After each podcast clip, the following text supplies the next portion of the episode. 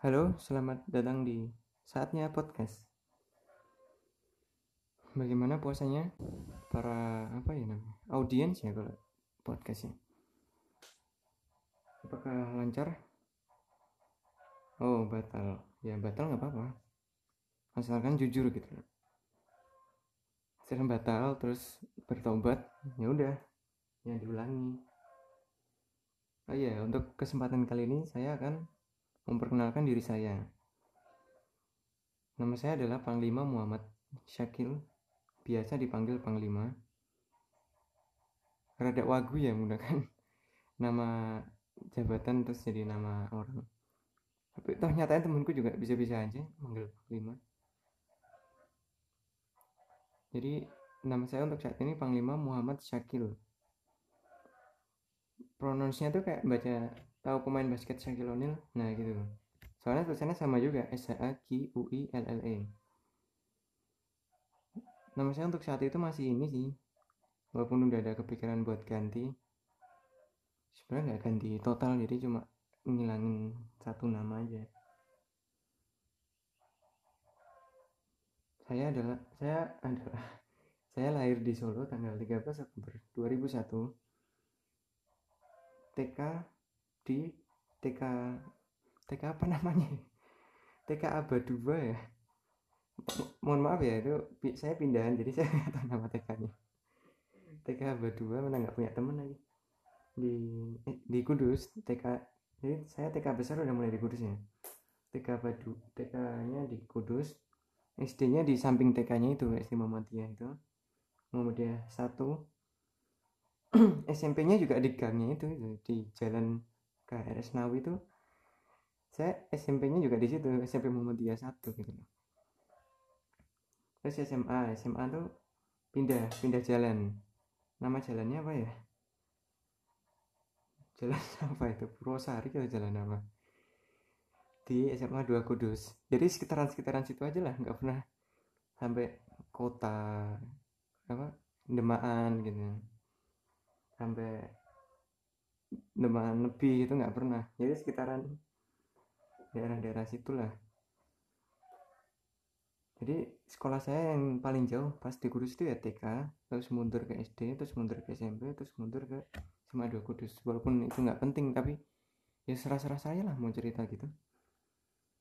Saya sekarang melanjutkan studi di salah satu salah satu kampus salah satu kampus swasta di Yogyakarta. Jadi sebenarnya bukan bukan studi kayak S1 D S2 D, D3 D4 tapi lebih kayak kursus gitu loh. Kursus di bidang bahasa Inggris di salah satu di salah satu kampus swasta. Mungkin kalau yang orang Jogja tahu ya biasanya kalau kursus bahasa Inggris ngambilnya di kampus apa pasti tahu lah. Saya adalah pemuda pemuda ya. Saya adalah binatang. Saya adalah seorang seorang berumur 19 tahun. Dan yang hidupnya tuh nggak nggak ada wah-wahnya gitu nggak nggak ada nggak ada spesial spesialnya gitu loh jadi untuk perkenalan ini saya agak mungkin misalnya kalian dengar kalau episode ini kurang lancar gitu ya. Saya percaya lah ini udah tag ke berapa udah maklumin aja lah. Protes terus. Jadi misalnya pun saya punya pengalaman gitu ya. Itu mesti kalian juga pernah yang lebih wah lebih bagus. Misalnya saya punya skill juga skillnya nggak nggak nggak unik unik banget. Itu pun kalau saya punya loh. Saya adalah fun fact aja saya adalah seorang li, eh, libra yang orangnya tuh suka ngomong ngambekan apalagi ya spontan eh tapi bohong. Me lamaran lamaran ramalan ramalan zodiak itu menurut saya nggak usah dipercaya gitu coba aja kalian buka ramalan zodiak di tiga bab yang berbeda maksudnya tapi tiga babnya itu mengandung topik yang sama loh. Jadi misalnya apa perjalanan cintamu di web ini gimana yang di B gimana yang di C gimana. Mesti beda gitu loh. Tulisannya cuma kamu jangan cuek-cuek amat. Ada yang ngasih perhatian tuh. Dan terus emang Libra doang yang kayak gitu. Terus juga yang Cancer yang apa lagi? Gemini kan juga bisa aja kayak gitu gitu loh terus misalnya kayak karir kamu dipecat gitu ya. Ya kan di musim pandemi gini yang dipecat nggak cuma salah satu zodiak doang kan. Masih juga zodiak lain dipecat atau gimana. Ya sebenarnya itu nanti ada teorinya lah. Saya ini udah baca tapi belum belum paham sepenuhnya. Jadi belum bisa jelasin gimana. Jadi tapi setahu saya itu teorinya tuh kenapa ra ramalan zodiak atau tebak-tebakan zodiak itu bisa dipercaya oleh banyak orang karena pertama mereka ngomongnya itu general banget gitu loh. Jadi bisa multi tafsir gitu. Terus setelah dimulti tafsirin apa ya terus orang-orangnya tuh gimana? Kamu kalau lihat zodiak ramalan tuh kan kalau salah ya bodo amat. Kalau bener kaget kan? Jadi mesti kamu nyari yang bener-benernya doang. Kalau salahnya juga kamu nggak marah karena ya ya udah kamu nggak expect apa-apa gitu. Jadi udah dimulti tafsirin terus kamu udah ngambil tafsir yang kebetulan sama gitu. Padahal nggak cuma itu kamu doang nggak cuma apa zodiak kamu doang gitu loh. Jadi nggak usah merasa spesial deh. Terus saya saya single. Sebenarnya nggak penting juga status saya. Entah ya ini buat ngisi-ngisi waktu lah sebenarnya bukan bukan bukan saya bilang single bukan pengen nyari jodoh tapi emang lagi single. Itu menggambarkan situasi sekarang sih. Kayak gloomy distortion gitu. Walaupun udah udah enggak lagi sih. Saya saya orangnya enggak open minded jadi misalnya orang cerita ya saya bakal nerocos saja ngelawan argumen dia misalnya saya nggak setuju. Eh tapi bohong. Saya nggak nggak nggak berani bilang saya open minded ya. Tapi saya kalau misalnya pun orang misalnya berbeda argumen argumen sama saya ya asalkan nggak merugikan saya juga ya udahlah dengerin aja. Tapi emang saya suka banget dengerin sudut pandang mereka argumen mereka walaupun di beberapa poin mungkin mereka salah ya mungkin karena bedanya pandangan. Tapi kan mesti ada beberapa titik yang benar juga tuh. Nah makanya itu saya lebih sering dengerin gitu. Karena ya kalaupun mereka ngegas misalnya mereka banyak omong juga bakalan kebelibet sendiri kan sama teorinya. Makanya saya biasanya kalau hmm, apa ya adu pendapat. Sebenarnya nggak adu pendapat juga sih. Misalnya orang nyampein sebuah pendapat tapi saya dalam hati punya pendapat yang berbeda.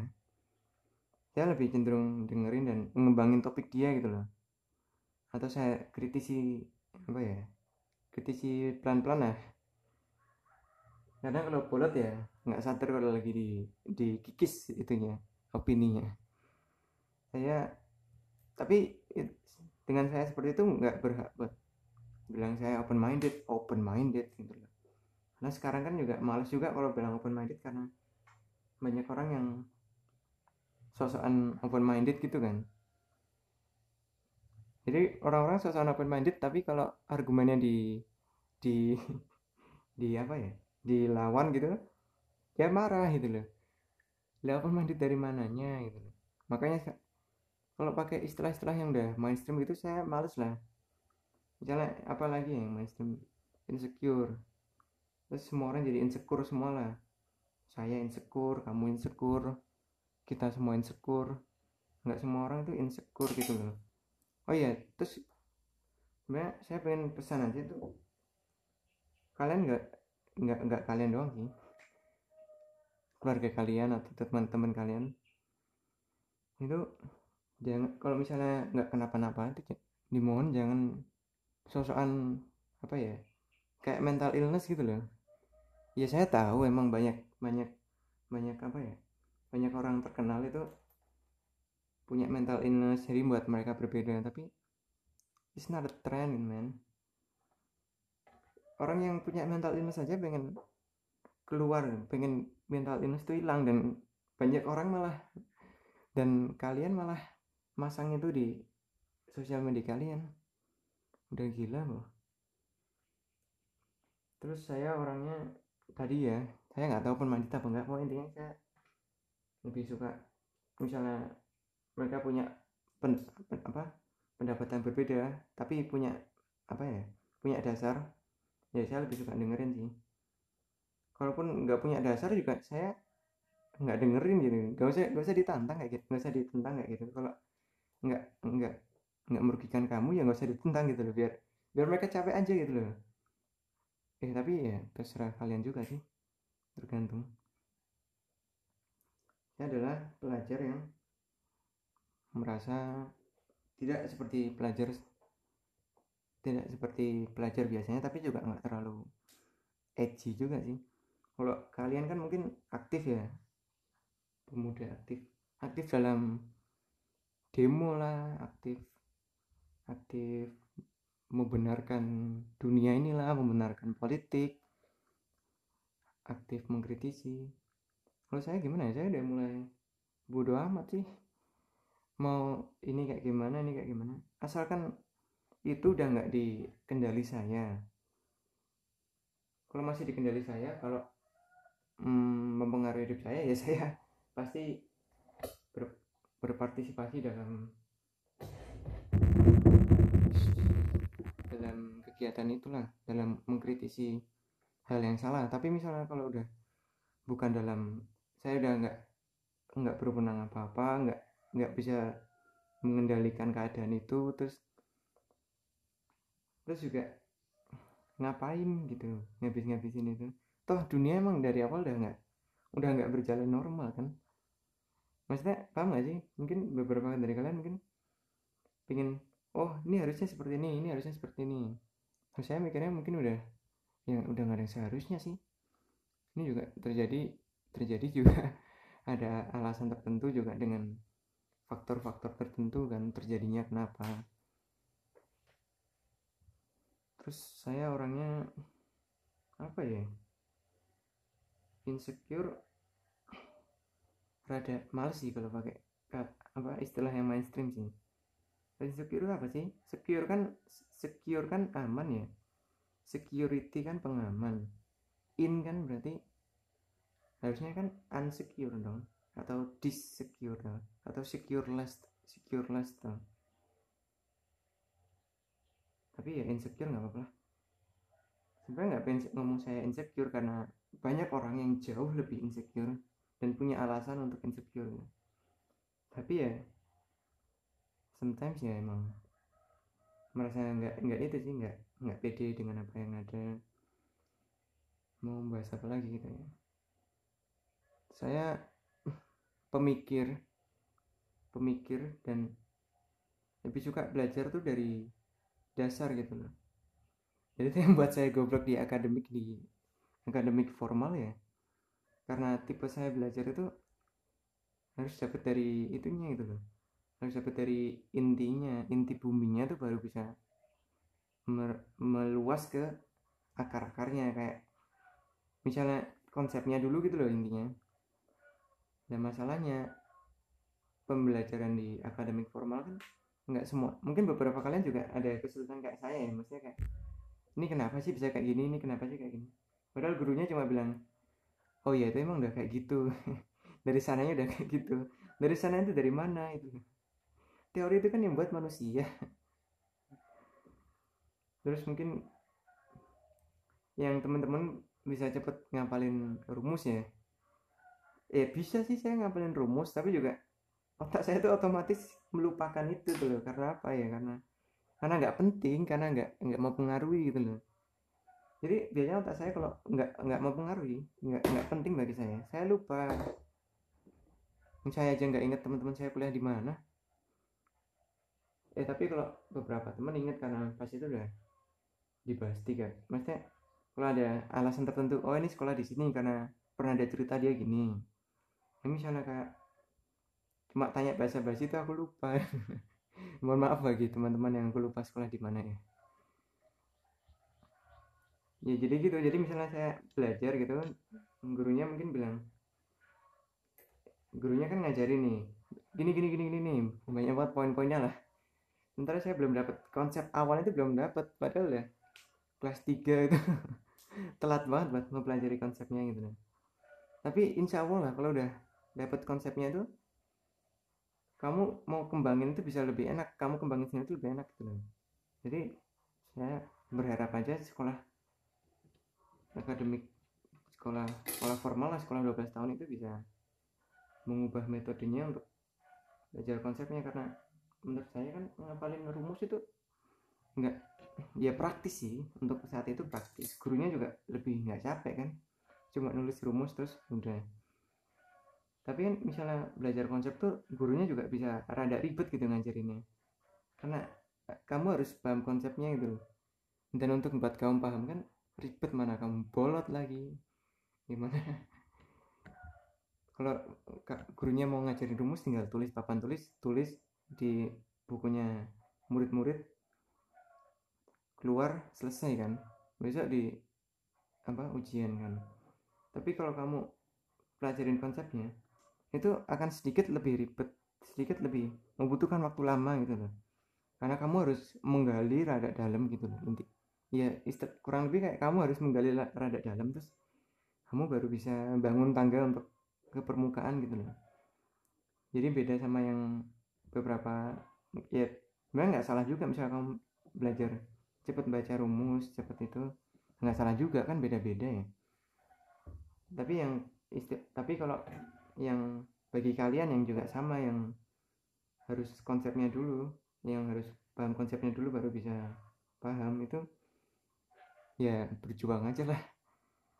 Toh kamu nggak bisa kecuali kamu yang buat universitasnya gitu baru tapi untuk pendidikan saat ini ya sebenarnya itu yang terbaik juga untuk cara guru apa langsung poin-poin poin-poin luarnya aja itu juga nggak salah itu kan.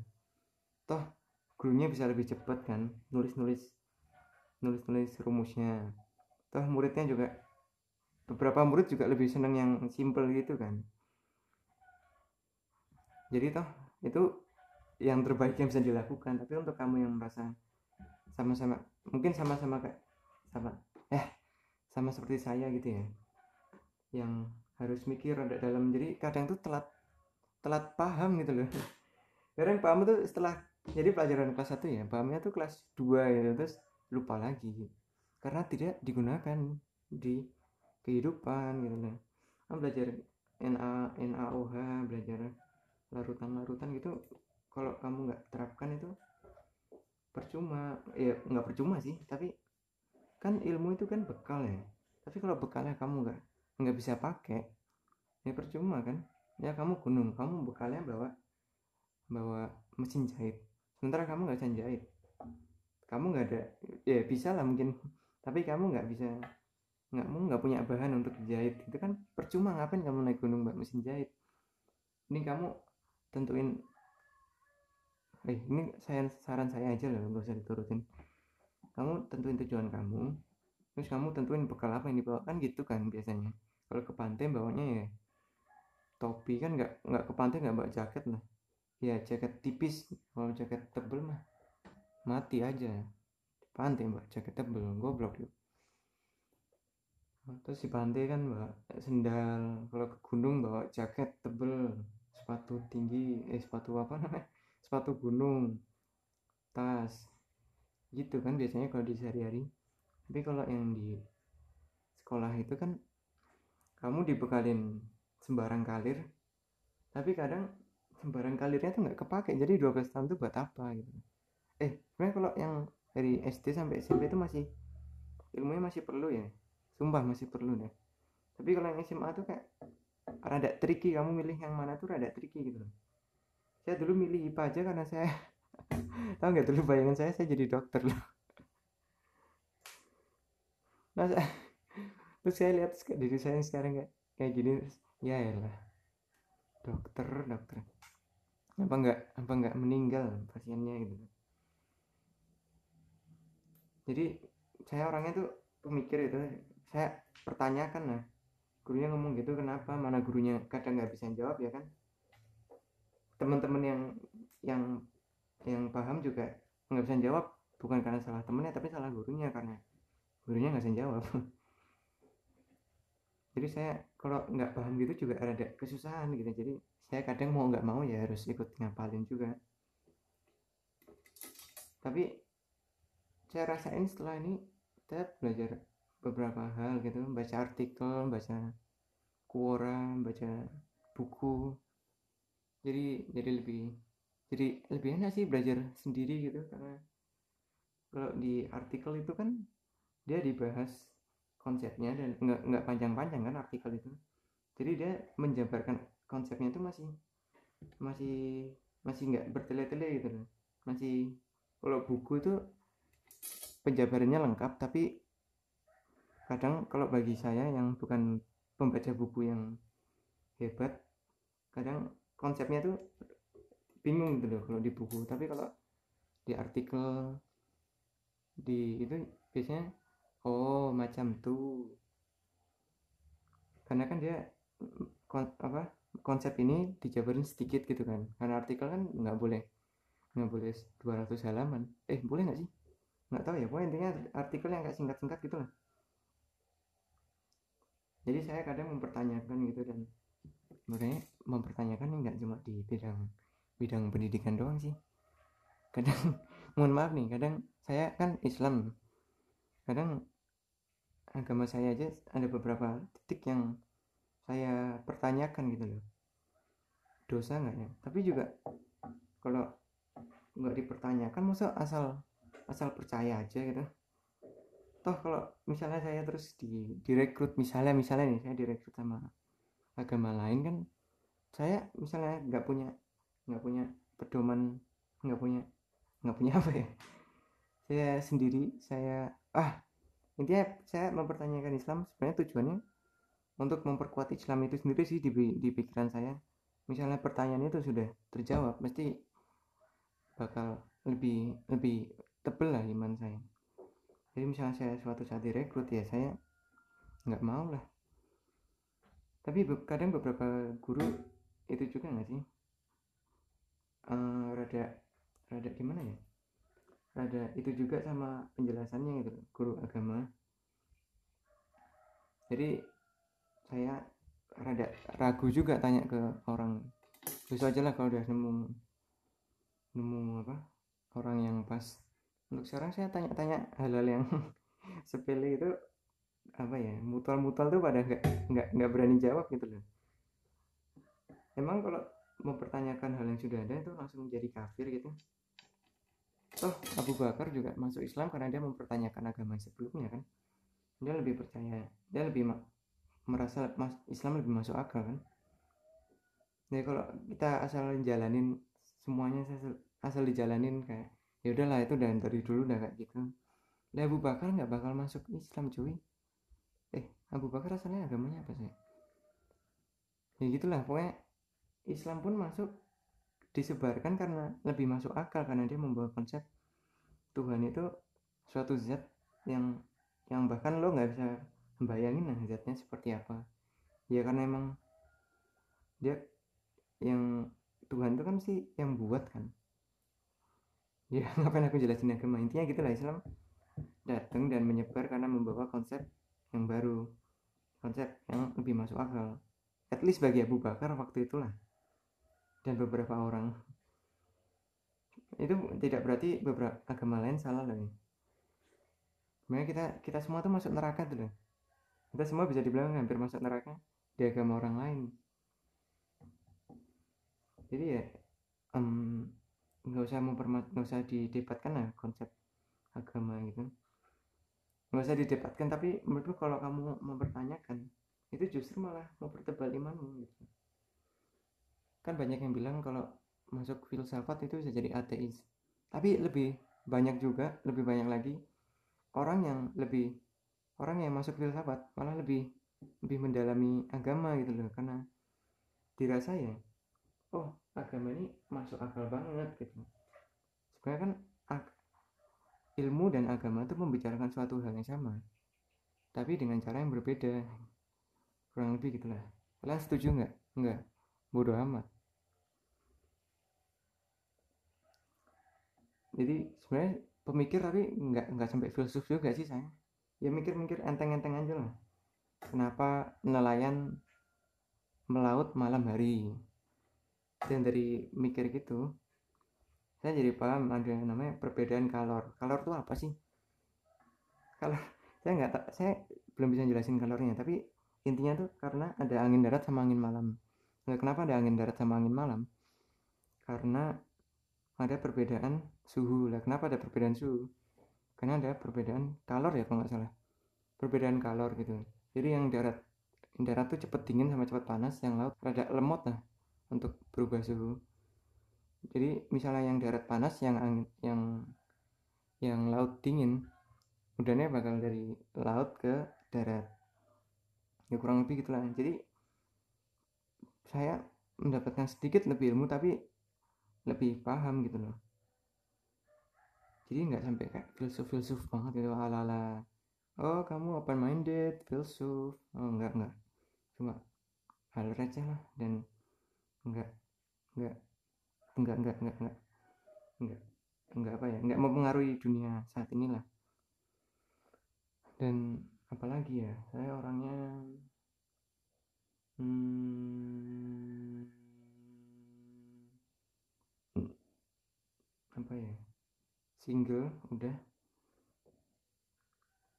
Orangnya suka warna saking nggak bisa topiknya bahas warna favorit ya warna favorit saya adalah pink. Ya sebenarnya nggak nggak pink pink banget sih. Sebenarnya saya tuh suka kalau pakai baju tuh yang baju lah outfit itu yang ngejreng tuh saya nggak masalah itu loh. Jadi nggak harus hitam semua putih semua abu-abu apalagi ya biasanya. Uh, biru dongker gitu enggak ya. Pakai orange pun juga saya nggak masalah itu Buk eh bukannya caper gitu ya. Ya dibilang caper gak apa-apa sih. Guru guru SMA aja bilang saya caper. Sebenarnya bukan caper tapi ya kayak lebih kayak bisa ekspres itu kayak lebih enak gitu loh. Oh ya daripada bahasa saya terus. Tujuan saya buat podcast ini ya untuk menyalurkan pikiran-pikiran saya lah. Sebenarnya nggak nggak saya nggak minta kalian untuk ini setuju ini wah ini pemikiran open minded ini enggak misalnya saya lebih suka kalian nggak setuju tapi kalian sudut lihat sudut pandangnya aja gitu. Oh aku bener di poin ini kamu bener di poin ini. Ya kalau bisa saya juga akan ngecek kalian podcast juga sih. Jadi di podcast ini saya pengen nyalurin pikiran saya. Pikiran saya tuh kayak entah ya kayak sering nggak sesuai dengan sosial gitu loh tidak tidak berpikir sesuai apa yang dipikirkan oleh sosial gitu kayak telur ngapain sih ditimbangnya per kilo dipakainya per biji doang sementara konsep nimbang per kilo itu kan untuk hal-hal yang nggak bisa dipakai satuan kan beras apalagi ya bawang bawang kan emang biasa ya bawang jarang aja satu siung itu satu siung berapa kan biasanya bawang tuh di eh di, di itu nggak sih buat kalian yang sering masak komen aja ya komennya di personal chat biar aku ada ngechat gitu loh Wah, gitulah bawang, jinten, lada, merica, garam, gula. Itu kan yang nggak usah dipakai satuan lah. Telur itu kan dipakai satuan. Harusnya dijualnya satuan dong sesuai kamu jual ciki ciki kan jualnya juga satu pon ya nggak ciki sih kamu jual apa ya jual pulpen pakainya satuan kan kenapa pulpen nggak dijual? Kiloan aja sekalian. Jadi dapat empat atau dapat sepuluh gitu.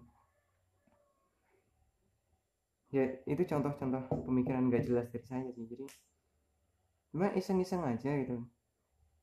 Suka sih belakangnya suka buat kayak konten gitu. Maksudnya kayak tuh suka untuk suka untuk ekspres diri sendiri gitu. Ekspres diri ke orang lain dan berharap orang lain itu terhibur walaupun nggak terhibur at least dia nggak marah lah. Orang suka juga sharing sharing pengetahuan pengetahuan. Saya mungkin rada garing kalau ketawa ya kayak kayak gini. Kayak kayak kan kadang kalau ketawa rada garing. Terus namanya saatnya podcast. Ya ini rada dalam nih karena saatnya itu kan berarti merujuk kalau saya lihat tuh saatnya tuh merujuk pada saat ini kan. Maksudnya kita saatnya makan saatnya minum saatnya istirahat. Itu kan berarti saat ini. Lah, emang kenapa sih kalau membahas saat ini? Kenapa harus jadi judul dari podcast ini? Karena menurut saya tuh waktu ini tuh emang sangat-sangat penting itu loh. Waktu yang sekarang ini. Jadi kita kan nggak tahu akan berakhir kapan gitu loh bisa aja setelah saat ini satu detik saat ini apa berapa tahun saat setelah saat ini gitu. Jadi saat ini digunakan untuk mulai mulai itulah mulai melakukan sesuatu lah. Dan podcast ini mungkin sebagai awal karya awal karya saya sih karena kan saya lihat nih saya lihat ya nggak tahu kalau kalian lihatnya gimana. Saya kan punya pemikiran tertentu lah. Kan biasanya rada berbeda tuh sama orang-orang ya ya udah daripada daripada diem di pikiran ya mending mending disalurin aja lewat podcast. Toh misalnya di YouTube kan susah. Toh ini yang paling gampang kan. Cuma rekaman ngomong. Walaupun trikinya tuh biar kalian nggak bosan gitu. Nanti juga saya belajar sambil berjalan lah dan saya harap juga untuk kalian yang nonton bisa kasih masukan. Mungkin suara saya kurang keras pronoun saya kurang jelas. Ah biasanya pronoun saya kurang jelas sama kurang keras karena ya saya nggak nggak tinggal di kos gitu loh. Saya nggak tinggal di rumah sendiri. Saya tinggal bersama saudara saya. Jadi kalau saya ngomong keras saya bakal ganggu mana saya orangnya orang nggak enakan lagi. Bilang beneran saya orangnya tuh nggak enakan gitu loh. At least saya rasa saya orangnya nggak enakan sebenarnya saya bilang at least saya ngira at least saya ngira karena oh ya saya orangnya tuh udah udah saya orangnya tuh kayak rada gimana ya ada gak percaya sama dunia ini loh kayak nggak nggak percaya sama realita yang ada gitu loh. Jadi saya bilangnya jadi saya misalnya nih saya fakta aja saya seorang pria ya terus saya nggak bisa bilang oh aku cowok kok. Ya bisa sih bilang gitu orang barusan bilang bilang pasti kayak nggak bisa bilang nggak bisa yakin kalau bakal jadi cowok terus gitu loh. Entah padahal tuh hal yang saya nggak pikiran buat ganti gender ya tapi saya yakin dunia itu udah sangat fluktuatif banget kan sangat dinamis. Jadi semua hal bisa berganti itu loh walaupun bergantinya gender bisa sangat susah ya tapi kayak untuk ngomong oh saya seorang laki-laki tuh saya lebih prefer enggak enggak men, mengapa ya melabeli saya sebagai ini ini, ini tuh enggak sih lebih. Mending saya deskripsikan terus ke orang lain yang itu aja lah yang melabeli. Oh yes jadi semoga podcast ini bisa jadi tempat saya untuk menyalurkan pikiran saya dan bisa kalian bisa juga komen apa aja kekurangan saya gitu dalam bahas podcast ini. Jadi bahkan podcast pertama ini aja saya nggak kasih musik karena saya belum paham caranya ngasih musik. Jadi misalnya saya mikir apa kasih musik ya? Nanti saya malah kelamaan nggak bikin-bikin gitu. Ntar mikir musiknya apa musiknya cocok apa nggak. Mending gini aja lah rada garing nggak apa-apa lah ya cuma perkenalan. Saya orangnya tadi udah mau ngomong apa ya? Tadi ada satu ngomong-ngomong apa tadi ya?